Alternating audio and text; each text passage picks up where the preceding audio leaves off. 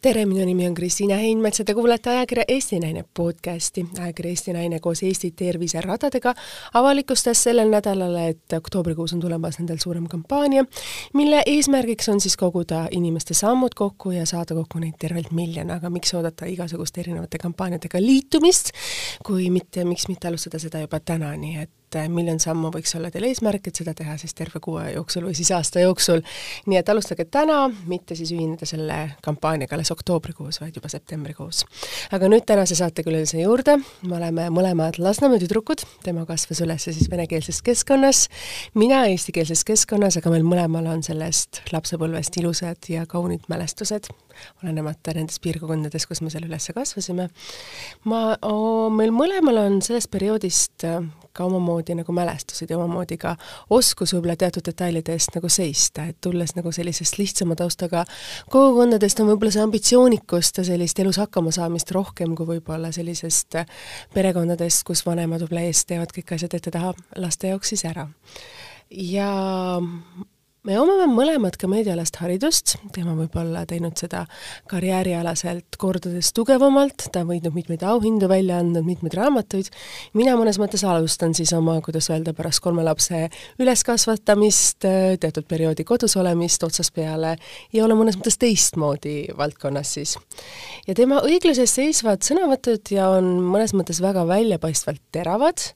ja ta julgeb kindla südamega alati oma seisukohtade eest ka seista, ta ei karda vastu voolu ujumist ja alati seisab nende detailide eest, mis on tema jaoks olulised ja ta ei pane pahaks, kui tema suhtes tuleb väga suur kriitikanoolt, nii nendes valdkondades, kus ta töötab, kui ka avalik kriitika, mis võib olla mõnikord vägagi terav ja vägagi valus. ta on emaks ühele ilusale pikkade kastanipruunide juustega tüdrukule, ta on ilus ja uhke ja ta julgeb alati punasel vaibal välja kanda kõiki neid imeilusaid Eesti disainerite kauneid kleite, uhkusega ja naiseliku väärikusega, seda ilmselgelt, sest temas on seda slaavilikku sära ja graatsiat ja võib-olla teistmoodi tugevust, kui meil, eestlastel, seda on. nii et tere tulemast, Viktoria Ladõnskaja! tere selline väike kiire sissejuhatus. me oleks väga huvitav aru saada, kui palju inimesed tunnevad ära selle kirjelduse inimest, aga aitäh, aitäh, nii head sõnad, aitäh aitäh, et sa sellise kommentaari teed, aga eks ma alati proovin midagi natukene öelda sellist, mis on selle inimest iseloomustav ja see Lasnamäe teema on minu jaoks enda jaoks väga oluline ja sa oled ju andnud ka sellekohase raamatu välja. kust see mõte või idee sul tuli sellel omal ajal, et seda, seda nagu teha, et see oli ju hästi südamlik ja hoopis nagu teist valdkonda avav, et tihtipeale kaasneb selle sõnaga Lasnamägi mitte just positiivsus mm. -hmm et tegelikult, et Lasnamäe raamat ei olnud niivõrd väga minu enda idee, et ma nagu alguses ei plaaninud üldse sellest kirjutada. Äh, sest et äh, mulle tundus, et see kogu see sari, äh, minu Lasnamäe, minu Sillamäe või, või nii edasi, et kõik mm -hmm. need nagu minu raamatud on hästi tugeva noh, kuidas ma ütlen, eluloo taustaga ja see tähendab, et see peab olema kindlasti see inimene, kes on juba noh, minu jaoks no võib-olla mitte nagu kolmkümmend aastat vana ja siis, kui Epp Petrone minu poole nagu on pöördunud sellise ideega, et kirjuta ära palun, et mis oli su Lasnamäe lapsepõlv, siis ma mõtlesin, et äkki veel vara mingisuguseid kokkuvõtteid teha. aga mida rohkem ma mõtlesin selle peale, seda rohkem mulle see idee meeldis ja lõppkokkuvõttes siis, kui ma hakkasin äh, lugema neid selle sarja raamatuid mm, -hmm. noh, nii mitu neist oli läbi loetud juba ja mäletan suurepäraselt, kuidas ma võtsin kätte Andrei Hvastovi seda Sillamäe passiooni ja siis seal olid äh, sellised sõnad, mis nagu, mis olidki sisuliselt see põhjus, miks ma üldse alustasin kirjutada, et äh, sõnastatud see mõte oli umbes niimoodi, et kuivõrd sinimustvalge on sinu taevas. ja, ja Lasnamäe valge laev on ju sinu raamatu pealkiri. ja, ja just sellepärast ma hakkasin mõtlema, mõtlema, et ilmselt see küsimus äh, tekib äh, inimestel, et kuivõrd äh, kuivõrd äh, suureks patrioodiks võib tegelikult inimene olla Lasnamäe taustaga ja kuidas kõik need elud noh, mingisugused esimesed aastad, ütleme nii, möödusid seal. Ja siis äh, tasapisi nagu mõelda selle peale, ma sain aru, et jah, ma tahan seda kirjutada. Ja siis äh, ma ei tea, umbes aasta aega võttis ikkagi see kokkupanemine, aga lõppkokkuvõttes ma olen selle raamatuga üsna rahul ja mulle väga meeldib, et see raamat ka teistele meeldib see on hästi südamlik. et sa oled ka kirjutanud ühe raamatu, mis on poliitpäevik, kus sa nagu väga, kuidas sa detailselt kirjeldad mõnes mõttes oma võitlust, mis jääb sellisesse ajalukku, kus häälte lugemisel oli kord nii, kord naa ja sa said ikkagi selle õiguse, sa said endale koha, võitlesid välja Riigikogus, et see oli väga stressirohke periood, mida sa ise sellest mäletad, et mingil hetkel võis olla kindlasti mäluauk? Noh, jah, et selles mõttes, et kui ma tegelesin ajakirjandusega veel, siis mulle kõige rohkem meeldis selline žanr nagu osaluseksperiment mm. -hmm. ehk siis, kui sa nagu mõtled end teatud äh, sündmuste keskele või siis sellise olukorda, mis ei ole sinu jaoks loomulik olukord. võõra inimesega just, kolmanda isikuna olukorras, jah? justkui nagu sa elad läbi mida, midagi, mis ei ole sinu jaoks loomulik äh, eluosa ja siis pärast sa kirjeldad ära seda, ehk siis tood ka lugejateni või vaatajateni siis seda, mis on nende jaoks, mis on nende jaoks üsna ebaloomulik võib-olla. Ja kuna mulle see väga meeldis ja kuna kogu see poliitika esimesed kuud minu jaoks noh, see tundus, see periood tundus mulle üsna selline, millest võiks kirjutada, nii kaua, kui sul ei ole veel noh, kui, kui su silm mm märkab neid asju, jah. sest et hiljem sa enam nagu võib-olla niivõrd ägedalt nagu ei märka neid asju ja sellepärast sellepärast see idee tuligi ja hea meelega sai teostatud. ma mäletan, et siis, kui toimetaja vaatas üle seda algset teksti, siis ta ütles mulle, et tead, lepime kokku, et viie aasta pärast sa kindlasti loe ise läbi veel kord seda raamatut, et ja siis vasta endale, et no kuivõrd sa jäid samasuguseks. ja mul on ülihea meel, et, et ma just äsja vaatasin mingisuguseid lõike sellest raamatust ja, ja sain aru, et tegelikult ma mõtlen, mõtlen ka praegu sarnaselt sellele, mida ma tõin välja ka toona. nii et see oli võib-olla kuskil natukene sinisilmne raamat, sest et sa veel nagu alles tuled poliitikasse, sa arvad, et sa kohe nagu muudad midagi paremaks, aga teisest küljest ma arvan, et äh, hea on see, äh, kui poliitik ütleb sulle pigem, et ta suudab kui ta kohe algusest peale ütleb, et tead, siin on teatud äh, põhjused ja ei, neid põhjusi on hästi palju, miks ma ei suuda midagi nagu paremaks teha nii et sa praegu just andsid teada, et äh, noore inimesena või kuidas öelda, noore värske inimesega astudes sinna poliitikasse, et sa nagu arvasid, et sa suudad palju ära teha, tänaseks oled aru saanud, et need protsessid on keerukad, sa oled ka oma artiklites ja neid korduvalt ka kajastanud, et miks ja kuidas ja miks siis ei või selle asja tegelikult väga lihtsalt ju ära teha, et miks peab seda venitama, neid asju, et kuidas sina täna nagu sellele vaatad ise? Nojah, tõepoolest ma püüan siis oma Facebooki kasutada sellise meediakanalina, kus ma hästi palju räägin omaenda auditooriumiga ja proovin hästi siiralt äh, rääkida sellest, et mis on see päris taust ja mis on minu mõttemaailm, miks ma mingisuguseid asju teen ja miks nagu mingisugused asjad lähevad minust mööda mulle tundub, et see on oluline, sellepärast et noh, see üldine arusaam, et mis nad seal teevad Riigikogus, no üsna kesine ja mitte sellepärast, et inimesed ei tunne huvi, vaid sellepärast, et noh, jah, poliitikud aeg-ajalt oskuslikult mängivad äh, äh kas või ku-, kuidagi saadete abil, et, et see nägu võib-olla ei ole päris see, mis nagu seal äh, päris nagu Riigikogus on, ja sellepärast äh, mulle tundus, et nagu niisugune kanal peaks olema, kus ma annan teada aga mis... sa mainisid, et osadel poliitikutel ei ole see nägu avalikkuse ees, mis on nagu Riigikogus. et kui kiiresti läks sul, et sellest aru saada?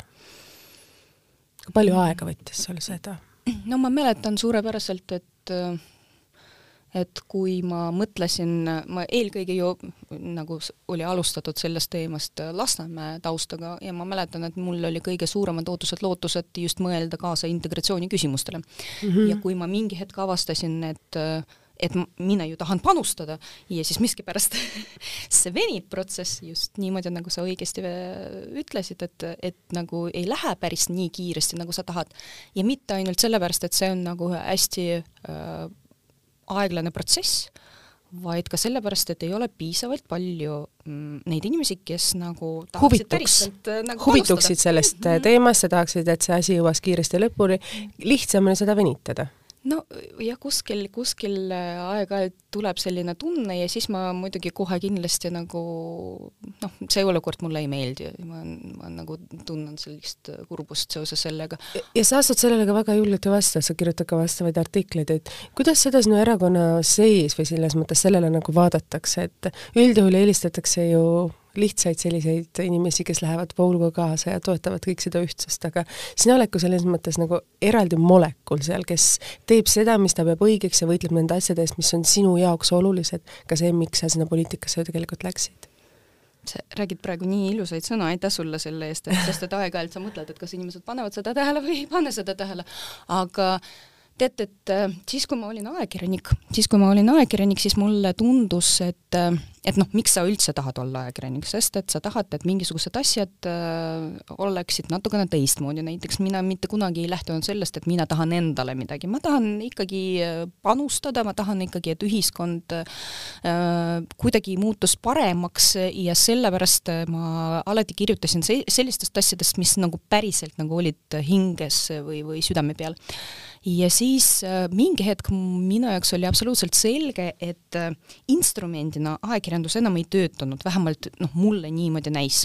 et sa küll räägid mingisugustes asjades, aga poliitikud justkui ei võta arvesse. ja ma mõtlesingi, et järgmine samm on see, on see poliitika, ehk siis kui sa ei suuda siit seda asja lahendada, võib-olla sa suudad seda lahendada hoopis kuskilt mujalt. omades suuremat võimu ja positsiooni. just, ja, ja niimoodi ma mõtlesin ja sellepärast see nagu minu selge positsioon teatud küsimustes ongi seotud sellega, et ma, ma ei tulnud poliitikasse selleks, et lihtsalt olla, ma tahan reaalset tulemust saada. ma tahan, et oleks lahendatud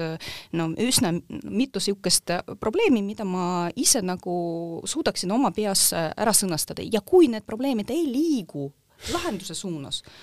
siis ma tõepoolest räägin, et miks nad ei liigu, siis ma tõepoolest räägin ka avalikkusele, et see ei ole nagu minu arvates päris see. aga mis puudutab erakonna asju, ma arvan, et iga erakond,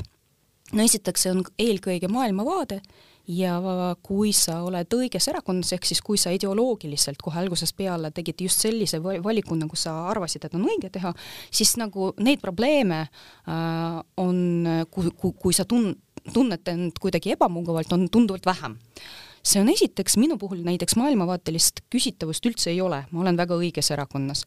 Aga siis tekivad äh, mingisugused asjad, kus te nagu ei lähe päriselt kokku strateegia valikul näiteks ja siis nagu tekivad igasugused nagu vaidlused, et noh, kas kaitsta siis oma maailmavaadet, minnes äh, sellise koosluse koalitsiooni või teise või valida mida, mingisuguseid muid alternatiive. tänu sellele tekivad igasugused need võib-olla küsitavus. poliitika on alati vaidlemine, alati vaidlemine ja siis äh, noh, seda enam on hästi oluline mitte kaotada lõppkokkuvõttes, et mis on su päris seisukoht kui sa nagu kogu aeg teed kuskil natukene kompromissi, natukene veel kompromissi, nagu räägitakse, poliitika on kompromisside kunst, seda ta kindlasti on, aga kui sa kogu aeg natukene annad järgi, siis lõppkokkuvõttes mingi hetk sa avastad, aga kus kohas olen üldse mina ja kus kohas on minu päris seisukohad? Et ähm, kui meil moodustati nüüd uus valitsus siin alles hiljaaegu, siis kõik ootasid ju tegelikult sind näha seal ühe naisena sellise jõulise, positsioonika, kindla arvamusega, kindla käega naisena. sajast sai, kuidas öelda siis, sind ei olnud, sind ei ole seal valitsuses. miks, kas ma võin seda küsida? sa mõtled nüüd eelmist või praegust valitsust? siis, kui sul oli see võimalus, siis kui erakonnal oli see võimalus ja kõik ootasid avalikult, et sina oled kindlasti üks nendest, kes võiks ja peaks olema. kui me räägime eelmisest valitsusest, siis minu jaoks oli see kindel arusaam, et no siin on kolm tegelikult äh, olulist asja, esiteks ma ei olnud äh, tol hetkel moodustava koalitsiooni, koalitsiooni pooldaja, mulle, minu jaoks ei olnud päris äh, õige strateegiline käik äh, selleks, et kaitsta minu maailmavaadet äh,. teiseks äh, ma enne valimisi, noh tavaliselt siis, kui sa töötad telkides igal pool, sa ju midagi räägid inimestele, sa ju midagi lubad ja üks minu lubadustest oli see, et ma arvan, et äh, Eesti riik vajab riigireformi. riigireform tähendab seda, et me võiksime olla tõhusam, et see riigiaparaat võiks olla väiksem ja kui ma mõtlen selle peale, et mis oli toona nagu see pakkumine, mida mulle tehti mm, -hmm. see tähendas automaatselt veel lisaportfelli korraldamist ja see läks vastuollu just selle, sellega, mida ma telkides rääkisin, ma ju tahtsin äh, tõhustada, mitte nagu sa andsid lubaduse oma valijatele ja sa tahtsid seda ellu viida ja, ja, ja sa ei suutnud sellele vastu hakata, isegi kui sulle oleks pakutud seda kõrget positsiooni ja kogemuse võimalust ja, ja siis kolmas äh, aspekt oli ka see, et ma olen endiselt parlamentarismi usku. ma arvan, et meil tegelikult üsna palju seda tähelepanu läheb selle peale, kes on meil ministrid, aga meil on tegelikult parlamentaarne riik ja muidugi eelkõige parlament ehk siis need saadikud on ise nagu selles, noh, ma ei taha öelda, et süüdi on, aga, aga noh, nad ise peavad rohkem vaeva nägema selleks, et nagu tõsta oma mainet, tõsta oma positsiooni ühiskonnas. aga teisest küljest tõepoolest noh, ka meediapoolne tähelepanu eelkõige pööratud sinna, kus on valitsus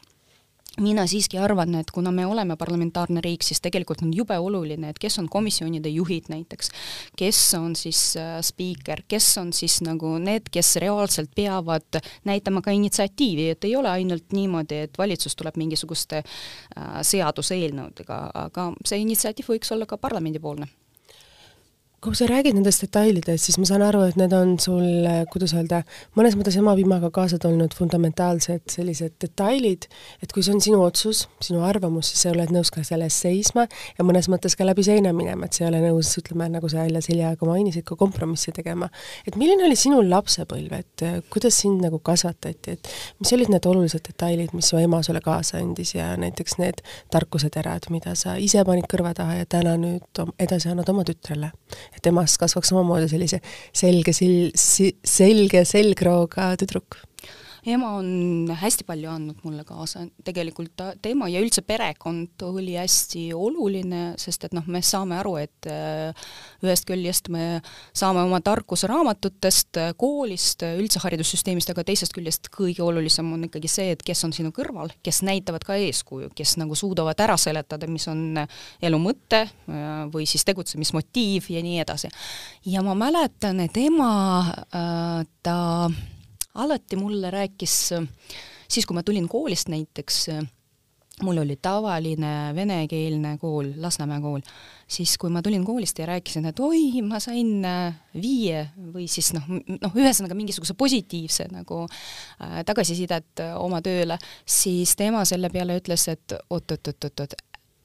mis siin nii rõõmustavat on. ma ütlesin, no vaata, mina sain nii head tulemust, aga teised said pisut nagu viletsama. ja tema selle peale mulle alati äh, rääkis seda, et kõik teised mind ei huvita, mind huvitab sinu tulemus ja ära võrdle end teistega, võrdle ainult sellega, mis on su isiklik eesmärk ja isiklik ideaal. ja tegelikult, kui ma niimoodi tagantjärgi mõtlen, see on väga äh, no mõtlema panev selline loogika, et ära mõtle teiste peale, mõtle reaalselt selle peale, mis on sinu elutee,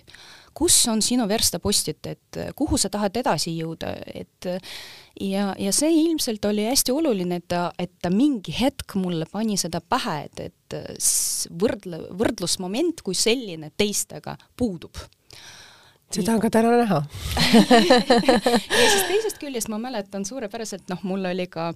Äh, nii-öelda natukene teatraalset kogemust, ma käisin äh, Vene Teatri stuudios mm -hmm. ja ma mäletan, et kuidas mulle õudselt meeldis äh, laval olla ja mängida ja noh, natukene näidata nagu end teistes nagu kostüümides. Ja siis ma mäletan, kuidas noh, suhteliselt eakas juba selline meie õpetaja ütles, et mõtle selle peale, et sa siis, kui sa seisad laval, ära jälgi end. Et nagu nii tihti tegelikult siis, kui sa kuskil oled saates või siis ma ei tea, laval esinemas, sa hakkad nagu mõtlema, et kuidas sa näed välja või mis on see nagu, mis on see sinu peegelpilt, ütleme nii, ja tegelikult see segab sind, sellepärast et siis mõte läheb täiesti mujale. see on no üks asjapunkt ja teine, et ta küsis minu käest, et millega sa hakkad inimesi ära veenma, no noh, jah, millega sa tahad inimesi ära veenma, ära veenda? Ja siis kas siis kostüümidega? Ja see oli ka nagu tegelikult hästi oluline, et, et mitte kunagi ei ole vaja nagu liiga palju mõelda selle peale, et mis on nagu vorm, vaid eelkõige mõelda selle sisu peale ja siiamaani on see nagu kuskil siin kuklas seismas, et äh, jah, ma mõistan, et äh, et tegelikult välimus, eriti naispoliitikutele, on hästi oluline, sest et noh, kõik ikkagi räägivad sellest ja panevad seda tähele ja ta peab olema hoolitsetud ja nii edasi ja nii edasi, see on kõik loogiline. aga samas äh, meie äh, meeste maailmas on eelkõige oluline see sisu. Ja kui sa sisus oled võrdne partner, siis tegelikult noh, noh, ma arvan, et sa suudad tunduvalt rohkem ära tõestada mis on nüüd need sõnad, mida sa ise võtaksid kõik oma jutust kaasa ja mida sa annad oma tütrele edasi, et see on ju väga fundamentaalne, see on nagu kogu maailmavaade, mida sa praegu siia kirjeldasid, mis on nagu sind üles kasvatades mõjutanud. Ja mõnes mõttes sa täna ka seda oled, et sa seisad kindlalt oma arvamuste eest ja sa, kuidas öelda, oled vaba oma arvamuses, et sa ei ole kammitsetud ja sa ei kontrolli seda, nagu sa ütlesid, et see kogemus sul teatrilaval, et ära mõtle seda ja võrdle ennast teistega, vaid mõtle see, mida on see, mida sa tahad edasi anda oma seest ma arvan, et tütre puhul ehk siis see on natukene teistmoodi, ma ei mõtle selle peale, et millist reeglit talle kaasa anda, vaid ma mõtlen, et et kuidas teda noh, selles mõttes, et kuidas talle sisustada, et tema ongi minu jaoks kõige armsam inimene maailmas. et lihtsalt armastada teda, et see et armastus, et seal ei ole tingivat kõneviisi, et seal ei ole mitte mingisuguseid põhjusi, ta on lihtsalt kõige targem, kõige ilusam ja ta ongi sinu laps ja, ja selles mõttes, et ta teaks seda, et, et tema on äh, oma ema jaoks kõige olulisem. ja kui äh, inimene tegelikult seda tunneb, siis ma arvan, et see mingisugune noh, kindlustunne kohe kindlasti, et, et see kõik tuleb perest ja siis peres ei saa olla nagu mingisugust niisugust varianti, et noh, kui sa seda teed, noh, mulle niimoodi tundub, et ei saa olla, kui sa seda teed, siis sa oled pall laps ja siis äh, järelikult sa saad rohkem seda armastust ei, ma arvan, et seda armastust oma lastele on vaja anda nii palju, kui sa suudad ja isegi rohkem. kuidas see sul endal välja tuleb? Sul on nüüd töökohustused, sul on äh, pikad tööpäevad äh,, lapsel on koolid äh,, me just hetk tagasi seda rääkisime, et ma nägin nii tihti sind äh, poes koos lapsekesega, lapseke käe kõrval toidukotti alles pärast tööpäeva lõppu ostmas, et sellised inimlikud emaks olemise hetked, et kuidas sa ise nagu enda jaoks aega leiad ja kuidas sa nagu ise suudad seda kõike nagu ohjata ja tasakaalus hoida? ma arvan, et, et see on nagu no ühest küljest see ei ole isegi küsimus, sellepärast et ma arvan, et see on loomulik, et siis, kui sa päris armastad, siis sa ju alati leiad aega. Ähm, ja minu puhul see, see, see on selge prioriteet, perekond on prioriteet. aga teisest küljest ma mõistan, et kui proovitakse joonistada äh, klänts äh, naisi äh,, kus on kaane peal ilus, hoolitsetud, edukas oma karjääris ja samal ajal lastega naine, siis ma alati ah,, ja siis veel ta ütleb, et ta näiteks, ma ei tea, laupäeval koristab äh, iseseisvalt oma kodu äh, ja siis ta armastab veel kokandust ja nii edasi ja nii edasi, siis ma kogu aeg nagu mõtlen selle peale, et me väga valet pidi püstitame neid eesmärke, sest et selliseid ideaalseid naisi ju tegelikult ei eksisteeri. me kõik teame, et kõikidel meil on kakskümmend neli tundi, see tähendab, et äh, kuskil on olemas see nagu noh, noh, see energiapiir, ütleme nii. Ja see tähendab, et sa ei pea nagu isegi mõtlema, et kui sulle räägitakse ajakirjas, et kuskil on see ideaalne pilt olemas, ähm, võib mõelda, et ilmselt selliseid supernaisi on, aga neid on vähe ja, ja, ja, ja võib-olla see ei olegi ka see eesmärk, kuhu nagu kogu aeg nagu ratsutada. et äh, ma arvan, et äh, kindlasti kõikidel meil on olemas sellised hetked, kui sa tahad puhata, kui sa tahad olla omaette, kui sa tahad lihtsalt jalutada kas või tõesti äh, natukene üksi olla, et see kõik võib juhtuda ja see on ka loogiline osa, sest et me nüüd hakkasime rääkima sellistest asjadest nagu läbipõlemine ja siis depressioon või mis iganes, aga veel paar aastat tagasi need justkui ei eksisteerinud mm. -hmm, ja, ja need on, on, on juhtunud, miks me hakkasime sellest rääkima, sellepärast et ühiskonna ootus naiste suhtes on niivõrd kõrge, ka meeste suhtes, aga no lihtsalt ma tunnen seda naiste elu paremini võib-olla et nagu naiste suhtes see ootus on nii kõrgeks läinud, et, et mõned, kes proovivad saavutada just seda, millest kirjutatakse ajakirjas, mingi hetk saavad aru, et aga, aga ei tule mis miskipärast välja ja siis tekib see süütunne. See on see võimatu nagu, kuidas öelda, võimatut ei ole võimalik püüda, et kõike ei ole võimalik saada, et sa pead tegema kompromissi ja kui seda kompromissi ei tee, siis sa teed seda iseenda arvelt ja sa kukud kokku, nagu sa just hetkel nagu tead, just andsid teada, et see on ka siis öelda mõnes mõttes ühiskonnas toimuvate protsesside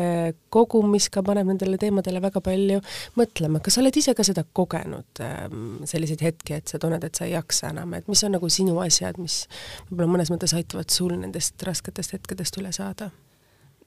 Umbes viisteist minutit tagasi sa väga õigesti ütlesid, et justkui äh, ma proovin läbi seina minna, aga mingi hetk ma sain aru, et ma ei, ma ei, ma ei proovi tegelikult läbi seina minna, tegelikult minus on justkui sellist kaks versiooni, üks on hästi selline tagasihoidlik ja kodune kes ei armasta absoluutselt meedia tähelepanu näiteks, kes helistab äh, teksades nagu jaluta kuskil ja kes on mõelnud endale välja, et ta on tegelikult nähtamatu, et mitte keegi ei tunne mind ära. ja see on üks nagu asja pool ja teine on selline, kes nagu tõepoolest äh, tunneb, et ta peaks äh, võitlema, et ta nagu püstitab endale eesmärki ja siis proovib neid saavutada ja nii edasi ja nii edasi ja tal on lihtne tegelikult olla kuskil sellises keskkonnas, mis on hästi ebamugav. aga kus kohas tekib see teine, ma saan aru, et ta tekib tegelikult siis, kui ma tunnen, et minu selja taga on sein. ehk siis, kui ma teistmoodi ei saa, kui seda põgenemisteed enam ei ole, et sinu väärtused on sinu selja taga ja sa saad aru, et oh, nüüd on ainult nagu edasiminek.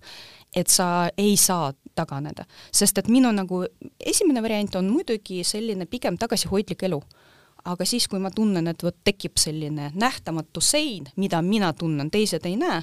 ja teistmoodi ei saa, siis ma lähen ja siis ma hakkan üle lugema ja tõepoolest, et kui palju kes hääli on saanud, siis ma tõepoolest tulen välja ja ütlen, et ei, see koalitsioon mulle ei meeldi või veel mingisugused positsioonid, siis kui teistmoodi ei saa, siis ma saan aru, et lihtsalt ma vait olla ei saa kui palju sinu enda tuttavad seda aktsepteerivad või kui palju sa oled ise selles mõttes astunud siis reha otsa, et seista oma arvamuse eest selliselt? no sul on haiget tehtud ju? No ütleme nii, et sõprade hulgas ja perekonna sees seda probleemi üldse ei ole. et nad mõistavad mind, ma näevad mind, ma tunnevad mind äh, hoopis teises kontekstis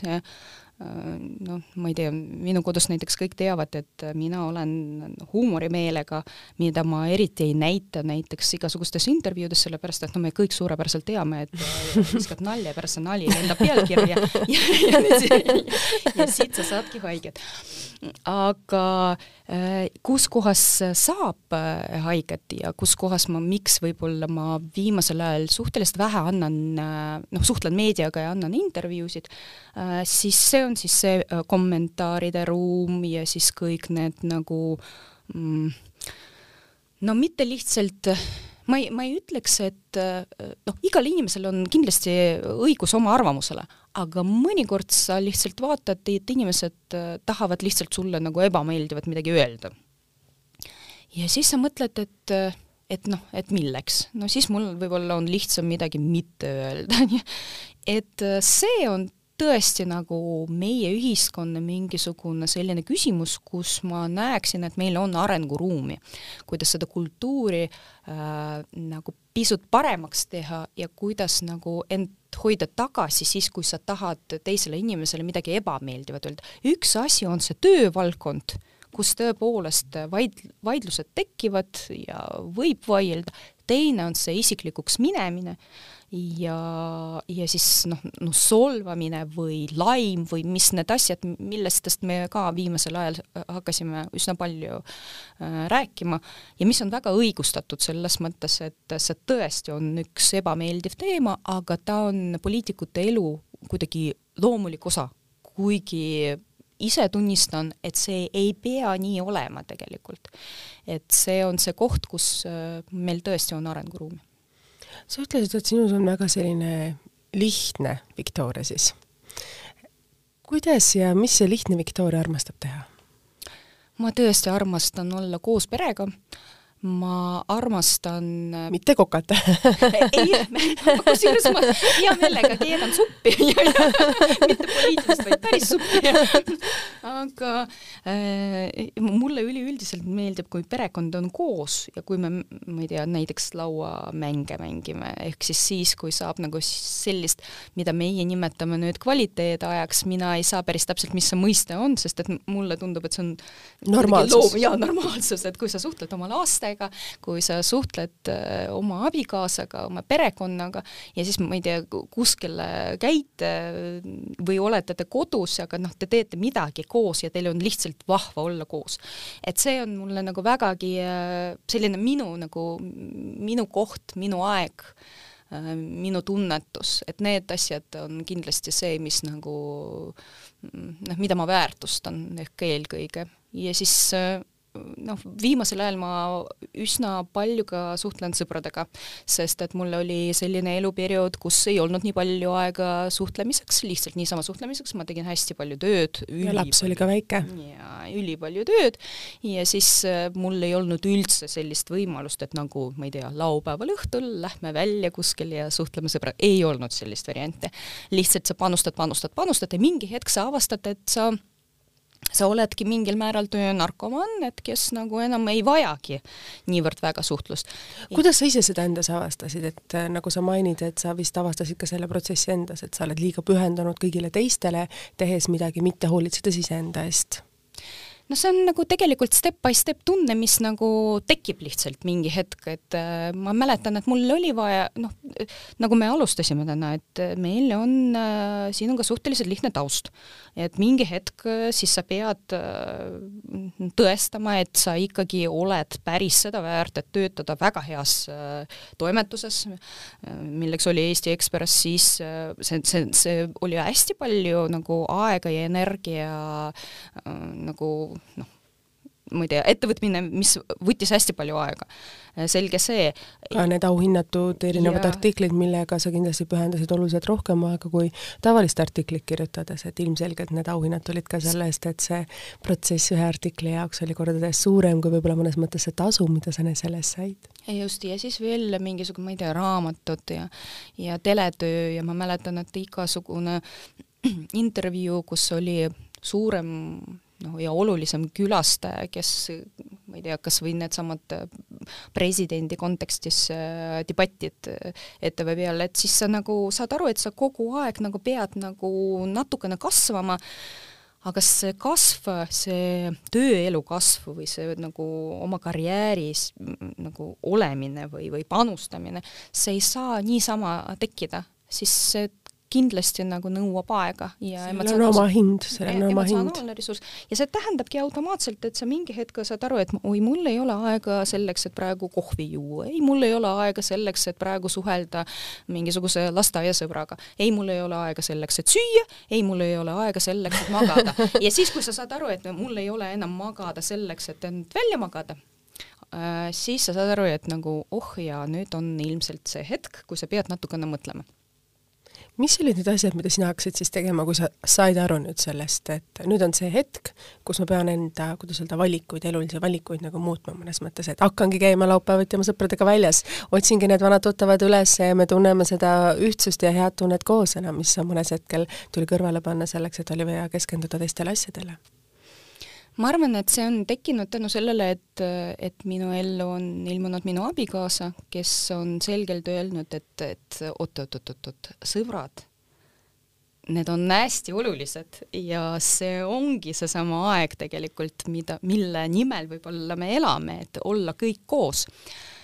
väga ilusasti öeldud. ja et selles mõttes, et, et nagu hakkame suhtlema sest et tema on mul äh, väga suur suhtleja ja, ja, ja siis äh, ta, ta nagu tasapisi tõi mind tagasi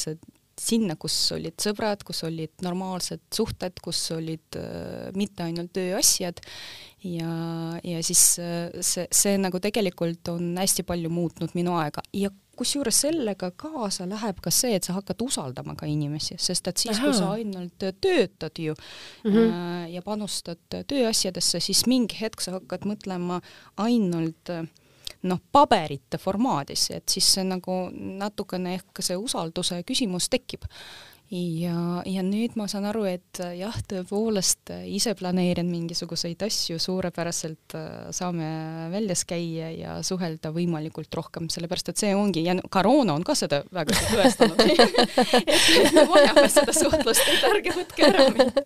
ja see koroona tegi erinevaid pöördeid ja piparusi meil siin paljude inimeste eludes ja võib-olla ongi kõikide inimeste elus maailmas, et pani meid mõtlema paljudele asjadele. aga mis on siis nagu ütleme, sinu jaoks nüüd tänane need olulised asjad, et kui palju sa oled oma siis päevaplaane ümber teinud, et kui sa vanasti ütlesid ainult töö ja töö, et me elame ju selleks tegelikult, et nautida elu ja olla õnnelikud, et mis teeb sind õnnelikuks? ma arvan, et noh, eelkõige nagu ma ütlesin, et perega ja siis äh, tütrega koos olemine, et see on kõige olulisem ja ambitsiooni ja, ei saa unustada. No ambitsiooni ei saa un-, jah, nüüd on siis see keeruline küsimus, et mida me nimetame ambitsiooniks. et äh, ma nagu, ma mõistan, et see, mis oli minu jaoks ambitsioon näiteks siis, kui ma olin kakskümmend viis, mhm. see oli midagi muud kui, kui praegu või isegi kümme aastat tagasi et äh, ambitsioon ja üldse karjäärimudel võib olla mitte ainult vertikaalne, vaid ka horisontaalne, ehk siis äh, sa võid nagu äh, areneda kuskil sees ja see tegelikult on võib-olla sinu jaoks ka parem. ehk siis sa ei pea alati mõtlema, et kus kohas on see järgmine trepp või järgmine nagu mingisugune aste, mm, kuhu suunas just üles nagu liikuda. Aga, aga võib-olla sa vajad ka mingisuguseid teisi asju ellu. Ja see tegelikult on ka nagu koroona ajastu märk, et inimesed hakkasid märkama neid asju ja hakkasid mõtlema, et kas see, millega ma praegu tegelen, kas see on päris see? Kas ma nagu suudan siin tõepoolest õnnelik olla, kas ma suudan saavutada seda, mis toob mulle ähm, heaolu ja mitte ainult see nii-öelda heaolu sellepärast, et ma pean nagu ma ei tea, laenu kinni maksta või siis ma ei tea, veel mingisuguseid asju kinni maksta, vaid see heaolu äh, hingelist laadi. ehk siis see, et mille pärast sa me üldse elame. jah, jah, jah, et sa õhtul tunned, et jaa, täna oli see ikkagi ilus päev ja sain hakkama paljude asjadega ja sain hakkama ka nagu mm, enesearengus ka mitmete asjadega. nii et ma arvan, et lõppkokkuvõttes äh, me peame läbi mõtlema, et mis asi on su enda ambitsioon ja mis asi on üleüldiselt sinu jaoks karjäär, sest et ega need karjäärimudelid ei saa olla ühtmoodi kõikide jaoks meil on elukestev õpe, võib öelda täna, et mõni, mõni karjäärimudel, mis oli siin kakskümmend aastat tipp, seda täna enam ei eksisteeri ja need uued valdkonnad, mis on meil ju tegelikult juurde tulnud, nendest me ei osanud unistada veel ise ülikoolis käies. et sina ju tegelikult selles mõttes tegid ju õige valiku, ajakirjandus, ajakirjanikuks olemine, alati on seda tööd vaja, alati on ajakirjanikke vaja, see mõnes mõttes oli selline ju turvaline valik, et kust see asi sul tuli keskkoolist, et ma nüüd lähen Tartusse, ja hakkan ajakirjanikuks õppima ajakirjandusvaldkonda? nii, ma arvan, et see, see ei olnud toona nagu nii turvaline valik minu jaoks, pigem nagu riskantne, sellepärast et ikkagi pärast kooli ja mul ei olnud äh, seda eesti keelt nii heal tasemel, et saaks koheselt õppida äh, ja sellepärast mulle tundub, et see sisseastumine oli üsna niisugune suur julgusetükk aga, aga lõppkokkuvõttes äh, ma jäin sellega väga rahule, sellepärast et tõepoolest see haridus, ma üleüldiselt väga hindan haridusteed, juhul kui inimesel on see olemas, ja mulle tundub, et, et see strateegia, et et me elu jooksul peaksime õppima ja siis me mingi hetk võime ümber mõelda ja mingisugust teist eriala nagu endale omada, mulle see väga istub, selline filosoofia. nii et lõppkokkuvõttes toona sai otsustatud niimoodi, nagu ma ütlesin, et mingi hetk mulle tundus, et see instrumendina minu puhul enam ei tööta, hakkasin äh, siis poliitikuna tööd tegema, ma ei välista üldse, et mingi hetk ma hakkan mõtlema, et, et kus on see järgmine instrument, mis aitaks jällegi kõiki neid eesmärke mis on seotud ühiskonnaga, mitte konkreetselt minuga ja vaid just nimelt, et kus ma tahan nagu mingisuguseid ühiskonna asju veel paremaks muuta, et kus on see järgmine instrument, sest et noh, oskus kuulata oma sisehäält võib siin võtta kokku selle lausega?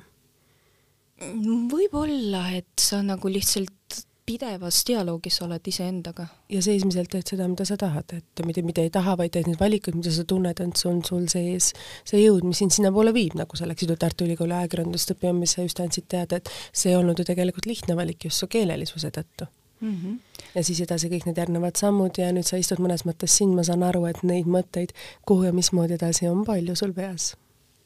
Need mõtted on ja need mõtted on ja mulle tundub, et see on üsna loomulik, et siis, kui sa suhtled iseendaga ja siis äh, aitad kuidagi äh, endale nagu läbi mõelda, mis on see järgmine samm, äh, mis teeks sind õnnelikuks ja mis aitaks sind nagu kaasa sinu elu eesmärkidel kas ma võin, kuidas öelda, paotada ust selle mõtete sinna valdkonda, et on midagi, mida sa võib-olla täna oled nõus ka rääkima sellest valdkonnast või pigem see on alles sellisel mõttetasandil, et ma veel täna ei tea, ma ei ole veel kinnistanud seda ideesid no ma ei ole veel tõepoolest nii kindel, sest et ma alles nagu mõtlen, et mis ja kuidas, kindlasti ma tahan teatud samme veel poliitikas äh, ära teha. mul on mitu niisugust olulist äh, seaduseelnõud, kus ma tahan panustada ja kus ma tahan tulemust näha aga kui mõelda üleüldiselt, siis tõepoolest mul on peas paar loomingulist projekti, et äh, mis on seotud küll kirjutamisega, nagu natukene sinnakanti. Ja, ja siis äh, ma lausa igatsen neid äh, loomingulisi hetki, mis nagu olid kunagi ja mis tänu sellele, et milline on poliitikute graafik, enam nagu nii lihtsalt ei saa endale lubada, nii et äh, jah, natukene tagasi kirjutamise juurde no natukene teistmoodi kirjutamine ei ole, ei ole päris see kirjutamine, mis, mis oli, sest et mõtteid on nüüd eh, ehk võib-olla rohkem ja, ja neid eh, on vaja struktureerida, aga põhimõtteliselt jääb sinnakanti.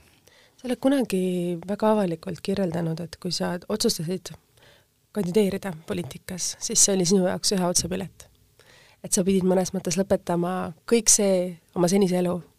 nii selles omas oma tütre isaga,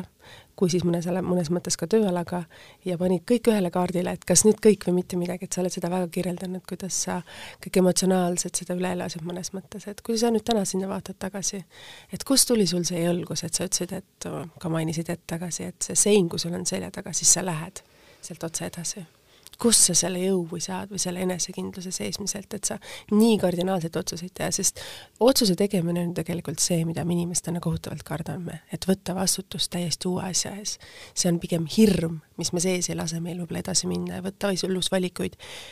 selliseid valikuid, mida me tegelikult võib-olla tahaksime ja hiljem võib-olla kardame ma arvan, et äh, see, et kuidas sa praegusel hetkel seda sõnastasid, et see julgus teha esimene samm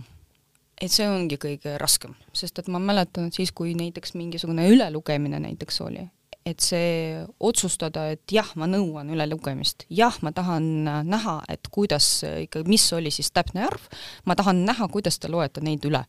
ma mäletan seda emotsiooni, ma mäletan, kuivõrd äh, elektrifitseeritud oli see tool, mille peal ma istusin siis, kui nad hakkasid üle lugema.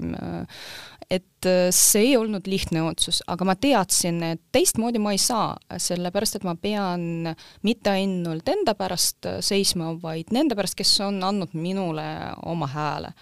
ja täpselt samamoodi ka teiste olukordade puhul, et kui see sein, ta, ta, ta kasvab kuidagi, sa lihtsalt mingi hetk, sa tunned, et sinu selja taga on midagi, mis ei lase enam sind tagasi, mis nagu, nagu justkui natukene, samas ta ei anna ka kukkuda. et sa tunned, et sa ei kuku mm. -mm. sul on ainult üks variant, minna edasi ja ära tõestada midagi, mis on sinu jaoks oluline. ja siis, kui see tunne nagu tekib, siis sa saad aru, et see enam ei ole mingisugune julgus, vaid pigem see oleks kaotus, kui sa seda ei teeks ja ma mäletan kunagi, minu jaoks on ühed lemmikud äh, raamatud on eluloo raamatud mm, -hmm. sellepärast et noh, klassika klassikaks muidugi, aga siis eluloo raamatutest sa saad mingisugust, no näiteks sedasama päeva planeerimist, et, et, et kuidas inimene üldse askeldab oma elus. ma mäletan, ma lugesin äh, ühe poliitiku eluraamatut, kes kirjeldas, äh, et tema jaoks oli oluline Jaapani mm, mõtteviis ja ko-, kuidas seda aru saada. ja see tähendas mida? ja, ja seal ei olnud äh, ma ei mäleta nüüd, kuidas see fraas oli päris täpselt ära öeldud, aga sisu oli selline, et äh, hea äh,, hea sõdur või hea ähm, tugev sõdur, kes sisuliselt elab läbi oma surma enne lahingut. Et siis, kui ta, ta on nagu peas juba nagu läbi mõelnud oma kaotust, siis ta enam seda ei karda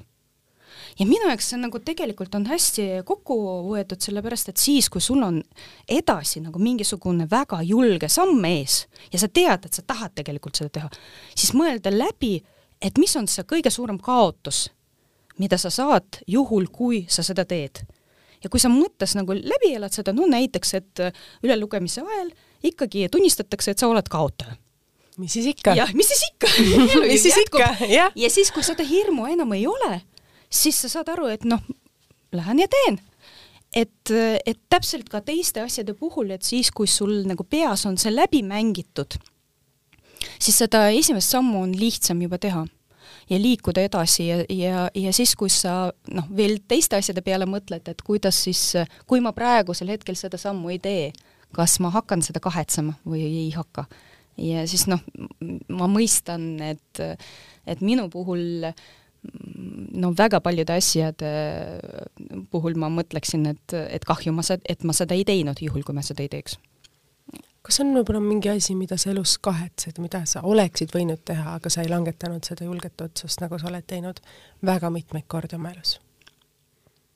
No ma ei oleks nagu päris inimene, kui ma ütleksin, et kõik, mis minuga elus on toimunud, kõik äh, on just niimoodi läinud, nagu ma tahaksin. mingisuguseid asju ikkagi sa mõtled, et ku-, kuida-, kuidas saaks teisiti või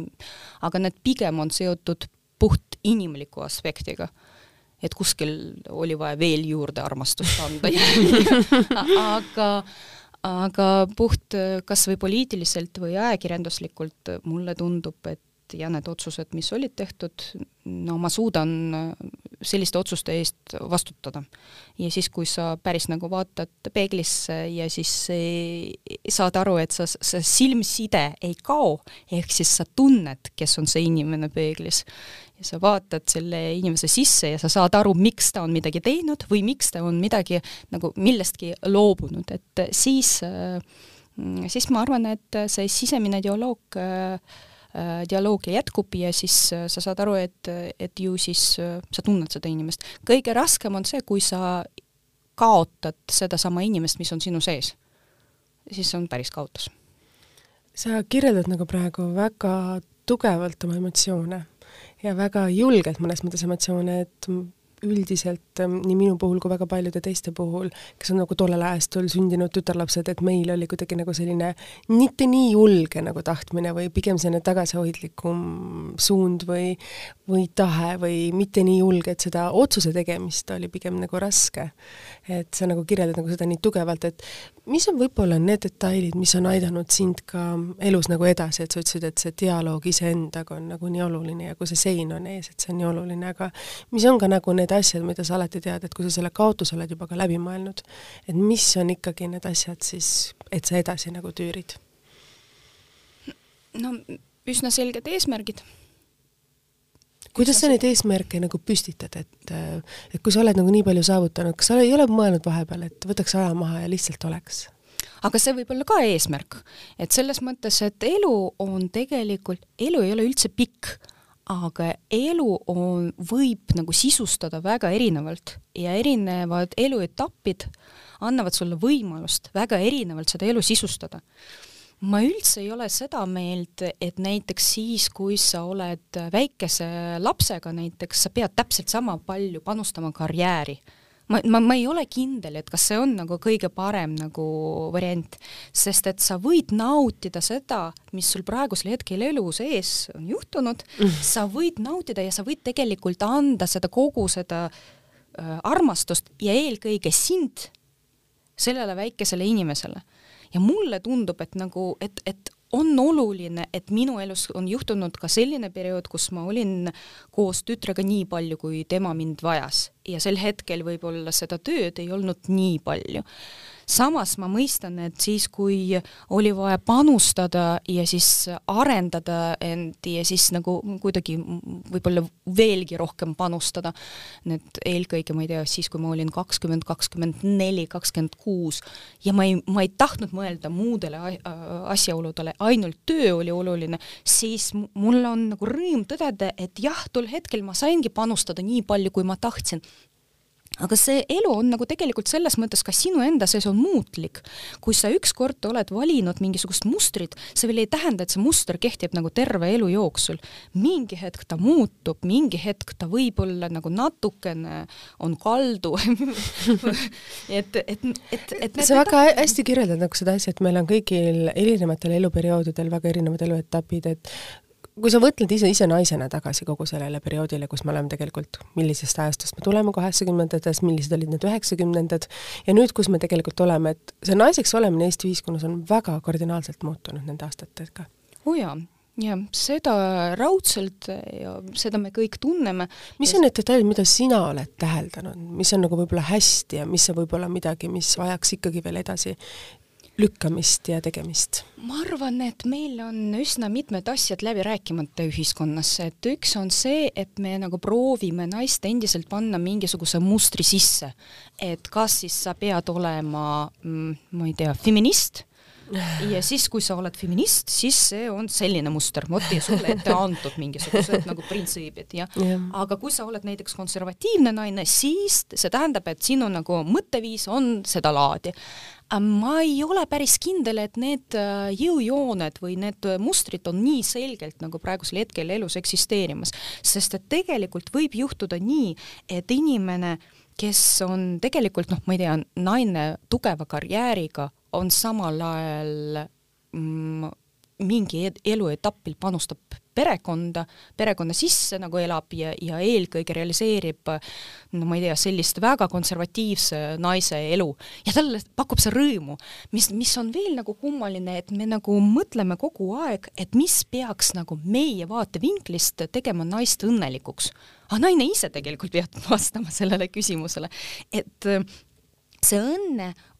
kui selline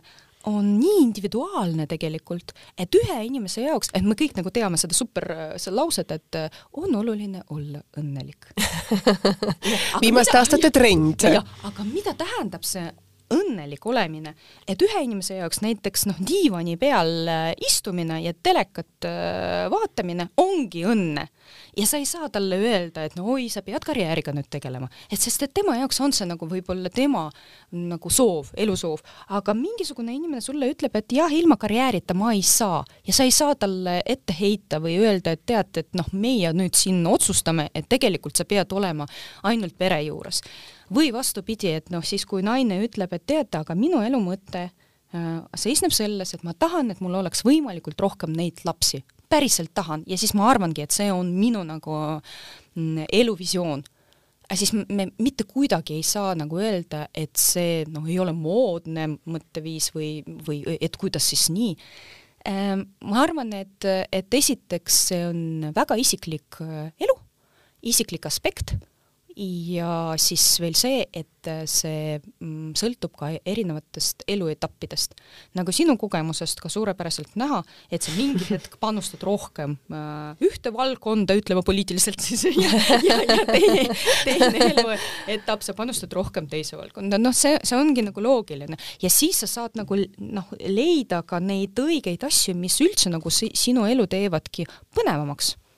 sa ütlesid väga õigesti tegelikult, et see ühiskonna tolerantsus on kasvanud kordades nii meeste kui naiste suhtes ja üldse see meie erinevate valikute suhtes, et see ei ole enam nii lahterdatud, aga ma arvan siiski, et meil on veel väga pikk samm edasi minna, nagu sa ütlesid ka, et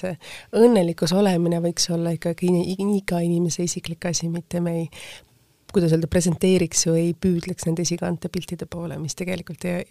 kajasta tegelikku reaalsust, vaid on lihtsalt nende, kuidas öelda, müügiartikliks mõnes mõttes, mis ei pruugi olla üldse inimese päris sisemus ja päris mõtted.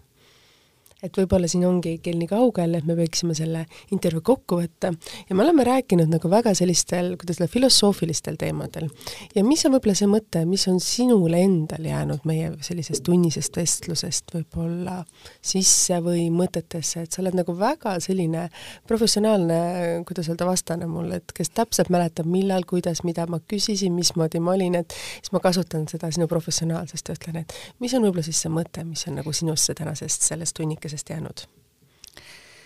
tead, et äh, siis, kui ma no alles sõitsin siia, siis ma mõtlesin, et vot ma ei küsinud küsimused ette, no ei tea, millest me hakkame rääkima. sest et tegelikult see on nagu selle, selline ajakirjanduse A ja B ja C, et nagu küsi yeah., küsi ikkagi enne ja sellepärast minu jaoks oli suhteliselt ootamatu, et kogu see temaatika, mis no on, ma teadsin, et noh, ei, ma kuulasin enne e eelmiseid intervjuusid ja muidugi nagu kogu seda naisajakirjanduse temaatika on minu jaoks viimasel ajal ehk võib-olla olulisemaks muutunud. aga sellepärast, et ma loen neid äh, psühholoogilisi ajakirju eelkõige mm. -hmm. mulle väga istub see, kuidas viimasel ajal me hakkame mõtlema, mis maailm on meie sees mm. -hmm. et mitte ainult niisugune äh, väljaspoolne nagu pilt, vaid noh, mis see, mis on sees, sest et see sisemine rännak on tegelikult hästi huvitav,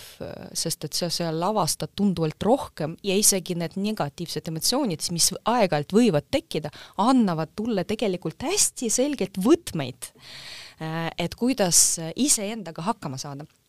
ja see mulle väga meeldib ja meie intervjuu puhul ma arvangi, et on oluline, et ehk võib-olla ma hakkasin rääkima nendest asjadest, millest ma tavaliselt ei räägi jah, täpselt, sest see oli väga isiklik ja väga selline, kuidas öelda ähm,, sügavuti küse-, küsimustega minev intervjuu. aitäh! ja aitäh sulle, et sa nendele vastasid, et ma kuidas öelda, teinekord tunnen, et inimene ei ole selle, ei ole selleks valmis, et ta ei ole valmis nagu nendest väga isiklikest teemadest rääkima, et siis ma, kuidas öelda, proovin teha sellise pehmema intervjuu, aga sinuga meil läks väga filosoofiliseks ja väga tugevaks, nii et aitäh sulle selle usalduse eest! aitäh sulle, aitäh sulle ja ma, ma väga hindan seda, kui inimene teeb eeltööd. ja siin ma tundsin, et